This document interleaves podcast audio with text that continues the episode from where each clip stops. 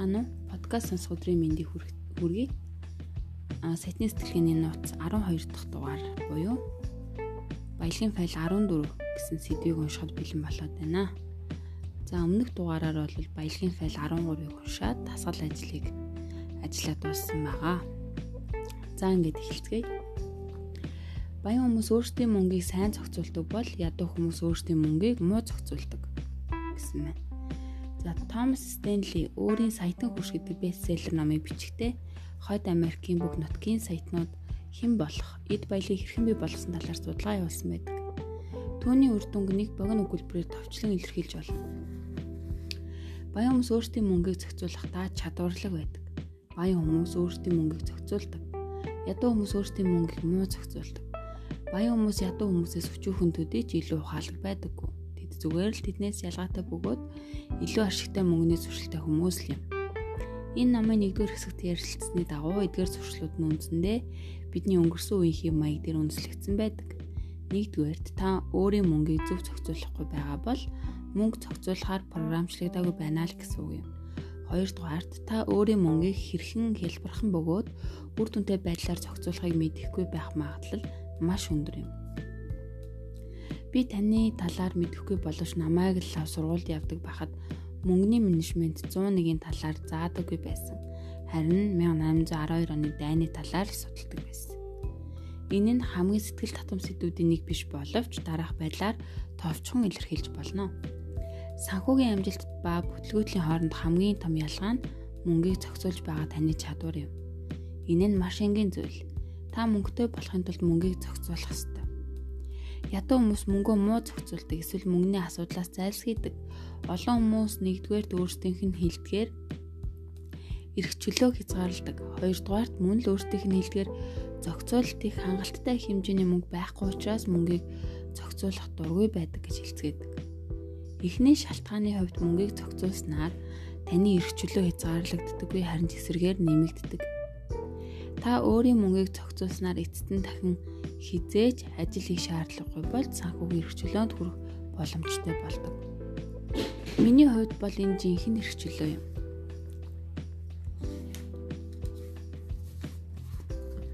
Надад зохицуулалт хийх хангалттай мөнгө байхгүй гэдэг шалтгаан хэлдэг хүмүүсийн хувьд тэдний асуудал нь телескопын буруу телескопны буруу талаас хараад байдаг талаар шүү. Зүйн би мөнгөтэй болохоро мөнгөө зохицуулж эхлэн биш харин би мөнгөө зохицуулж эхлэхээр мөнгөтэй болно гэж ярих хэрэгтэй юм. Би мөнгөтэй болохоор мөнгөө зохицуулж эхлэнэ гэж ярих нь илүү илүү илүүдл чинтэй хүн. Би 20 фунтээр турхаараа дасгал хийж хоолны дэглэн барина гэж хэлж байгаатай ижлэх юм аа. Энэ нь морины урд талд тэргээ хөлөж байгаатай ялгаагүй. Ингэснээр хаашаач явах тэр байтугай хоошооч явах боломжгүй болдог. Эхлээд та өөрт байгаа мөнгийг зөв зохицуулж эхэлж байж зохицуулт хийх илүү их мөнгөтэй болдог. Саятны сэтгхүүн эрчимтэй семинарын үеэр би ихэнх хүмүүсийн тархин дундуур татаад авсан мэд нэгэн жишээ ярьдаг. Та гудамжаар 5 настай хүүхэд дагуулад алхаж явна гэж төсөөлөлтөө. Та мөхөөлцсөний дэлгүүрийн хажуугаар явхдаа түүн рүү оржээ. Дэлгүүрийн мөхөөлцсөний аяг дууссан байсан учраас ганц жижиг албаг мөхөөлдөс бортгон дээр тавьж өгчээ. Та хоёр гадагшаа гарахаар явтал бортго хүүхдийн жижиг гар дээр тогтохгүй дайвалжж байснаа мөхөөлтс нь мултран унахыг та харжээ. Мөхөөлтс бортгоноос мултран зам дээр унсан байна. Ингээд хүүхэд уйлж эхлэв. Та буцаад дэлгүүр рүү орж дахин захиалга өгөх гэж байтал хүүхэд гурван албаны бортготой өнгөтэй зургийг харчихжээ Хүүхэд зураг руу зааж би иймийг аавна гэж хашгирч эхлэв. Одоо асуултаа тавья. Та сайхан сэтгэлтэй, бусдыг хайрладаг өгөөмөр хүн байлаа гэхэд хүүхдэд гурван албатай мөхөөлц авч өгөх үү? Та эхлээд тийм гэж хариулж магадгүй. Гэхдээ манай семинарын ихэнх оролцогчид асуултыг арай гүнзгий тунгаан бодоод үгүй гэж хариулдаг. Яалаа гэж хүүхдийн бүтлгүүтлийг өөгшүүлэх ёстой билээ. Хүүхэд ганц албаа мөхөөлцсийг авч явж чадахгүй байгаа юм чинь гурван албаг мөхөлц хэрхэн авч явах билээ. Энэ л үнэн ертөнц та хоёрын хооронд асуудалт ч гэсэн хамааралтай.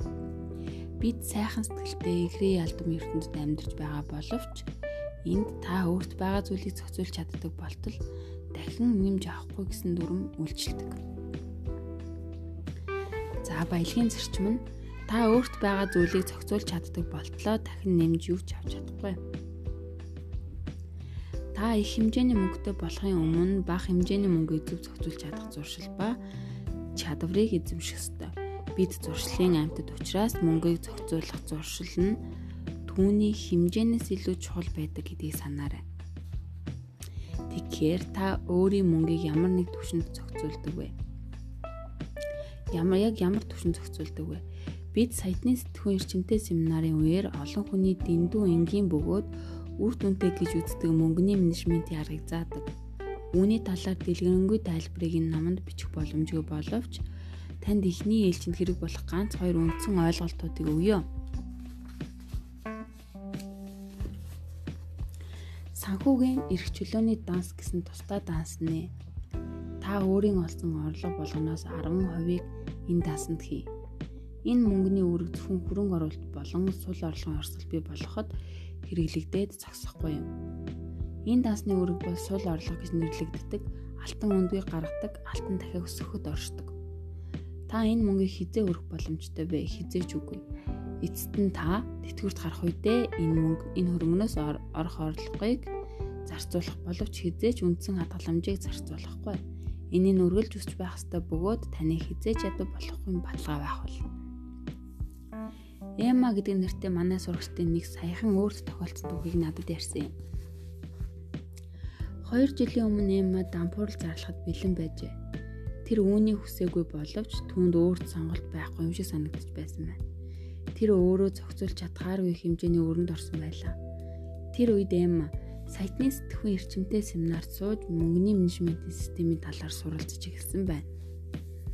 Энэ нь Эмма энэ л байна шүү дээ. Ийм аргаар л би холион бадангаас гарах болно гэж өөртөө хэлжээ. Эмма бүх суралцагчдын нэг адил өөрийн мөнгийг хид хідэн өөр дантанд хуваах ёстой гэсэн зөвлөгөө сонссон бөгөөд дотроо үнэхээр гайхалтай надад хуваагаад байхаар мөнгө байхгүй шүү дээ гэж боджээ. Гэвч тэр туршиж үзхийг хүссэн учраас сар бүр даснуудаа 1 долларыг хувааж хийхээр шийджээ. Тийм ээ, сард ганцхан доллар. Тэр бидний заадаг хуваарлтын системээр үндэслэн 1 доллараар хувааж санхүүгийн эрхчлөөний дансандаа 10 цент хийжээ. Эхлээд тэр дотроо сард 10 центээр санхүүгийн эрхчлөөнд төрнө гэж юугаа бодож байгаа юм болоо гэж гайхжээ. Ингээд тэр сар бүр хийх мөнгөө 2 дахин өсгөхөөр шийдэж. 2 дахь сард тэр 2 доллар, 3 дахь сард 4 доллар тэгээд 8 16 32 64 гэж нэмэгцээр 12 дахь сард 2048 доллар данснуудтай хувааж хийжээ. Ингээд 2 жилийн дараа тэр өөрийн хүчин чармаалтын гайхалтай уршимыг хүртэж эхэлжээ. Тэр өөрийн санхүүгийн эрх чөлөөний дансанд 100000 доллар хийх боломжтой болжээ. Тэр өөрийн мөнгийг зохицуулах зуршлыг маш сайн хөгжүүлснээрээ шагналт нь 100000 доллар авах үед энэ мөнгө нь өөр зүйл хэрэг болоогүй байна. Эма одоо өөрөөс гарч сан өрөөс гарч санхүү эрхчлөөнд хүрэх замдаа орсон энэ бүхэн хэдийгээр сард ганцхан долларч гэсэн сурсан зүйлээ үйл хэрэг болох түүний ажиллагаанаас шалтгаалсан хэрэг. Та одоо хөрөнгө мөнгөтэй байна уу эсвэл юу ч үгүй байна уу гэдг нь ямар ч хамаагүй юм хамгийн гол зүйл бол та өөрт байгаа мөнгийг нэн даруй зохицуулж эхлэх юм бол хичнээн түргэн дараагийн мөнгөө олж байгаа хараад гайхах болно. Сайтны сэтгүүн семинарын бас нэг суралцагч надад би амьдрахын тулд мөнгө зээлж байж ямар юмных нь мөнгөө зохицуулах вэ гэж хэлж байсан юм. Үүнд өгөх хариулт бол 1 доллар илүү зээлээд түүнийгээ зохицуул. Та зээл авах юм уу? Сард хэдхэн доллар болдог байсан ч тэр мөнгөө л зохицуул. Учир нь энд бодит амьдралаас илүүтэйгээр зарчим үйлчлдэг бөгөөд энэ бол оюун ухааны зарчим юм. Та ертөнцид өөрийн санхүүгийн асуудлыг зөв зохицуулж чадна гэдгийг харуулах юм бол мөнгөний гайхамшгууд тохиолдох болно. Санхүүгийн эрх чөлөөний данснаас гадна гэртээ санхүүгийн эрх чөлөөнөөс хав тавьж түүндээ өдөр бүр мөнгө хийж байна нь 10 5 1 доллар бүр ганц мөнгө эсвэл эсвэл таны бүх задгаа мөнгнөөч мөнгнөөдж байж болно. Мөнгөний хэмжээ хамаагүй хамгийн гол нь зуршил юм. Үүний нууц нь та өдөр бүр анхаарлаа санхүүгийн эрхчлөнд өгөх зорилготой чиглүүлдэгт оршдог. Алай зүйл ижлээ татдаг шиг мөнгө мөнгөө татдаг. Энэ жирийн савыг та өөрийн амьдрал санхүүгийн эрхчлөлөг авчрах улам их мөнгө мөнгө ба боломжуудыг төрүүлэх өөрийн мөнгөний соронзон болгон ашиглана. Өөрийн орлогын 10%-ийг удаан хугацааны хөрөнгө оруулалтанд зориулж хадгалах тухай зөвлөгөөг та анх удаага сонсож байгаа биш гэдгийг би мэдж байгаа боловч та мөнгийг үрж тоглох зорилгоор яг ижил хэмжээний эсрэг данстай байх ёстой гэдэг зөвлөгөөг анх удаа сонсож байгаах гэж бодож байна. Мөнгийг зохицуулах хамгийн том нууцуудын нэг бол тэнцвэрт байдал юм. Нэг талаасаа та хөрөнгө оруулалт хийж улам их мөнгө олохын тулд аль болох их хэмжээний мөнгө хадгалахыг хүсэж байгаа. Нөгөө талаас та өөрийн орлогын бас 10%-ийг тоглоомын дансандаа хийх хэрэгтэй болж байна. Яагаад? Бид олон хэсгээс бүрддэг амьтад юм. Хүн өөрийн амьдралын бусад хэсэгт нөлөөлөхгүйгээр зөвхөн нэг нэг хэсгийг нь өөрчилж чадахгүй юм аа. Зарим хүмүүс зогсоо зайгүй мөнгө хадгалсаар л байдаг. Бөгөөд тэдний логик сэтгэхүйтэй буюу хариуцлагатай дотоод хүн нь сэтгэл хангалуун байдаг боловч тэдний дотоод сэтгэл нь хандаггүй. Эцэст нь зугаа цэнгэлээ хүсдэг энэ хүү хэсэг нь одоо боллоо. Надад анхаарал тавихыг би хүсэж байна гэж хэлснээр нөгөөгийнхөө нөгөөгийнхөө үр дүнд муугаар нөлөөлдөг байна. Нөгөө талаас та мөнгө хадгалсаар байгаад хизээж байжхгүй үлддгээс гадна таны хариуцлагатай хэсэг таныг мөнгөө зарцуулсан зүйлээсээ ч таашаал авахгүй байх нөхцөл байдлыг бий болгодог бөгөөд эцэст нь өөрийгөө буруутай мэт санах байдалд оруулдаг. Энэ мэдрэмж нь таныг өөрийн мэдлэгийг хэд үрлэгэн зан гаргах замаар өөрийн сэтгэлийн хөдөлгөөнийг илэрхийлэх байдалд хүргэдэг байна. Хэдийгээр ингэснээр та түр хугацаан сэтгэл тайван болох боловч удалгүй өөрийгөө буруутгах ичиг байдал ичих байдалд буцаад орно. Энэ цикл төгсгөлгүй давтагдах бөгөөд түүнээс урдчлан сэргийлэх цорын ганц арга зам бол мөнгийг үр дүнтэй байдлаар зохицуул сурах явдал юм. Таны чөлөөт танс гол нь өөрийгөө халамжилж байрлуулж байнга хийгээд байдаггүй зүйлсээ хийхэд зориулах хэрэгтэй. Энэ нь ресторанд орж хамгийн тансаг даарс юм уу шимпансаг нэг шилийг захиалах гэх мэт онцгой зүйлд зориулагдах хэрэгтэй. Эсвэл тэр өдрөө зав хөлсөж болно үгүй бол дээд зэрэглийн зочд буудалд шөнийг онцгой хөгжилтэйгээр өнгөрүүлж болно. Чөлөөт дансны дүрмээр бол түүнийг сар болгон зарцуулах хэрэгтэй Тийм ээ. Сар бүр та энэ дансанд байгаа бүх мөнгийг өөрийгөө баян мэтээр төсөөлөхөд зориулж үрэх ёстой.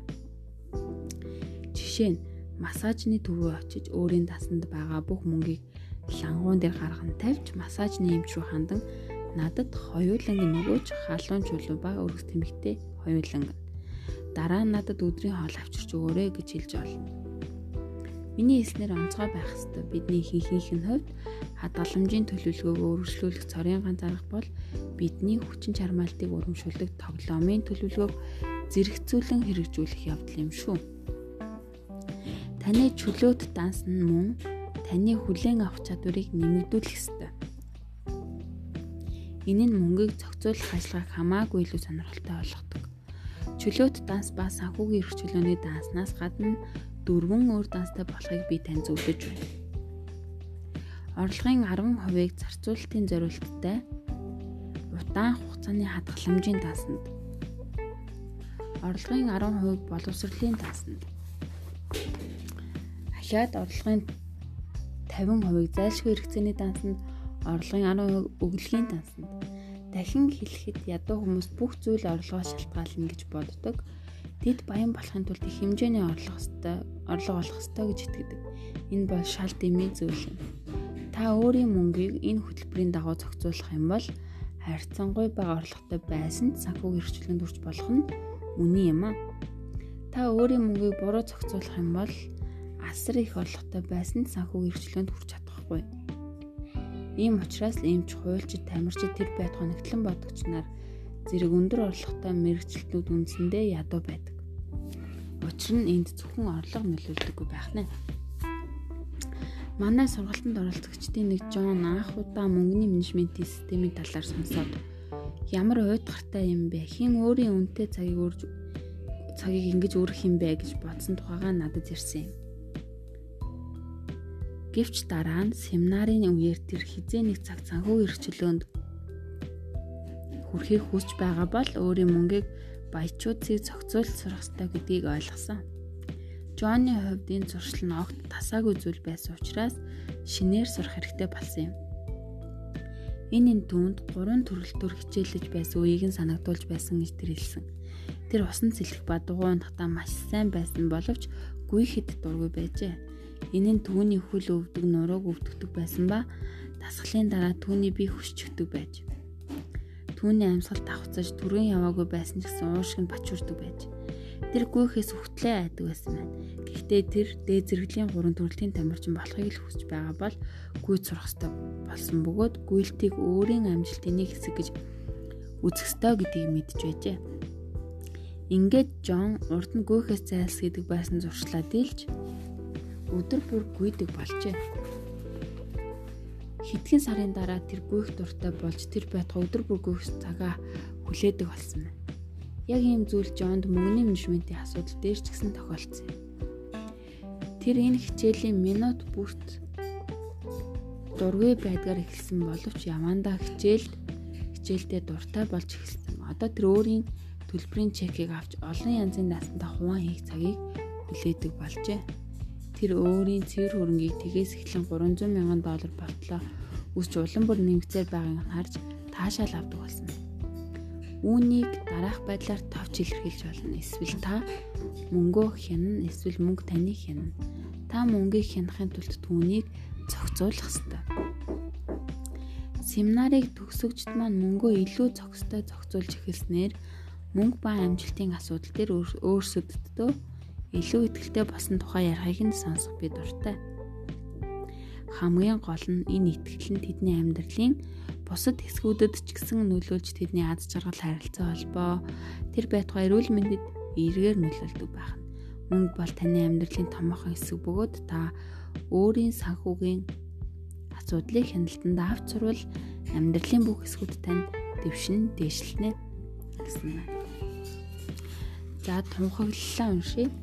Гараа зүрхэн дээрээ тавиад би бол маш сайн мөнгөний менежер гэж хэлээ.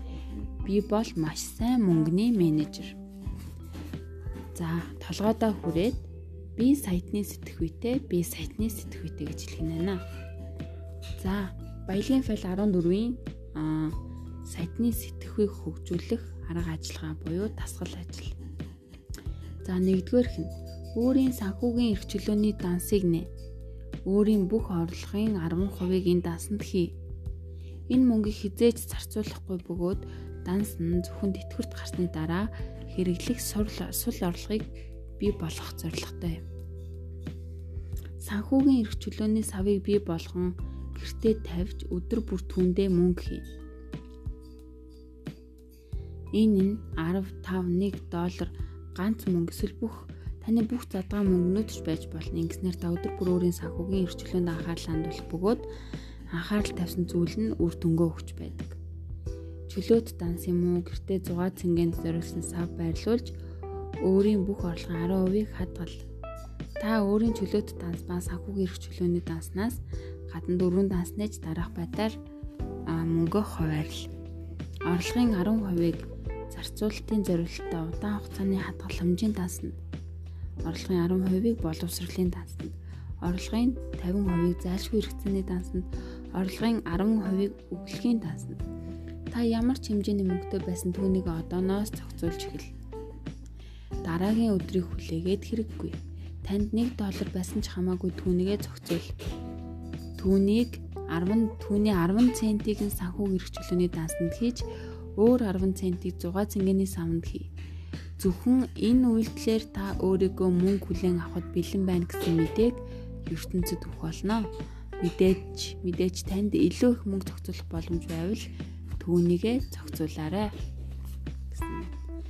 За ингээд би та бүхэнд одоо нэгэн хүний амжилтын түүхийг хуваалцах гэж байна.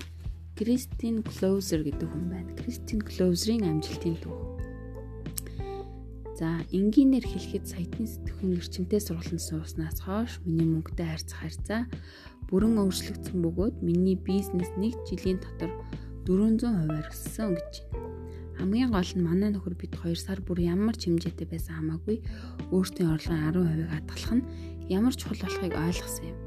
Бид Харвин сургалтын суснаас хойш хэдэн жилийн хугацаанд өмнөх 15 жилд хоримтлуулснаасаа илүү хэмжээний мөнгө цуглуулж чадсанаа хэлэхэд таатай байна. Үүнээс гадна бидний харилцаанд нөлөөлөх мөнгөний асуудлыг шийдэх аргууд нь мөнгөний маргааныг байхгүй болгосон. Харвин мөнгөний менежмент систем нь хэрэгжүүлэхэд хэлбэр бөгөөд үр дүнгээ маш сайн өгдөг юм аа. Танд амжилт хүсье гэсэн байна. За энэ хүрээд энэ удаагийн подкаста дуусгая. Дараагийн дугаар дээр бид нар баялагын файл 15 буюу сайтны сэтгүүхийг хөгжүүлэх 17 арга ажиллагааны 15 дахь нь унших нэ. За ингээд та бүхэндээ баярлалаа. Дараа нь дуурахтлаа түр баяртай.